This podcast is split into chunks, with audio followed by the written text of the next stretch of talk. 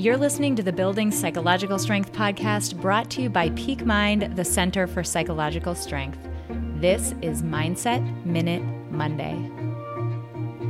The relationship we have with ourselves is perhaps the most important relationship we will ever cultivate.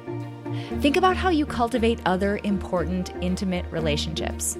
We express our love, we show our love in those relationships, and in turn, that love grows.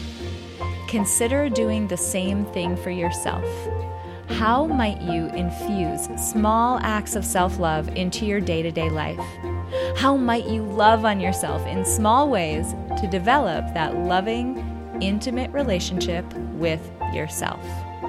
Try this out and see how you feel. If you benefit from our content, please drop us a rating and a review on iTunes and do share this with others who might find it valuable.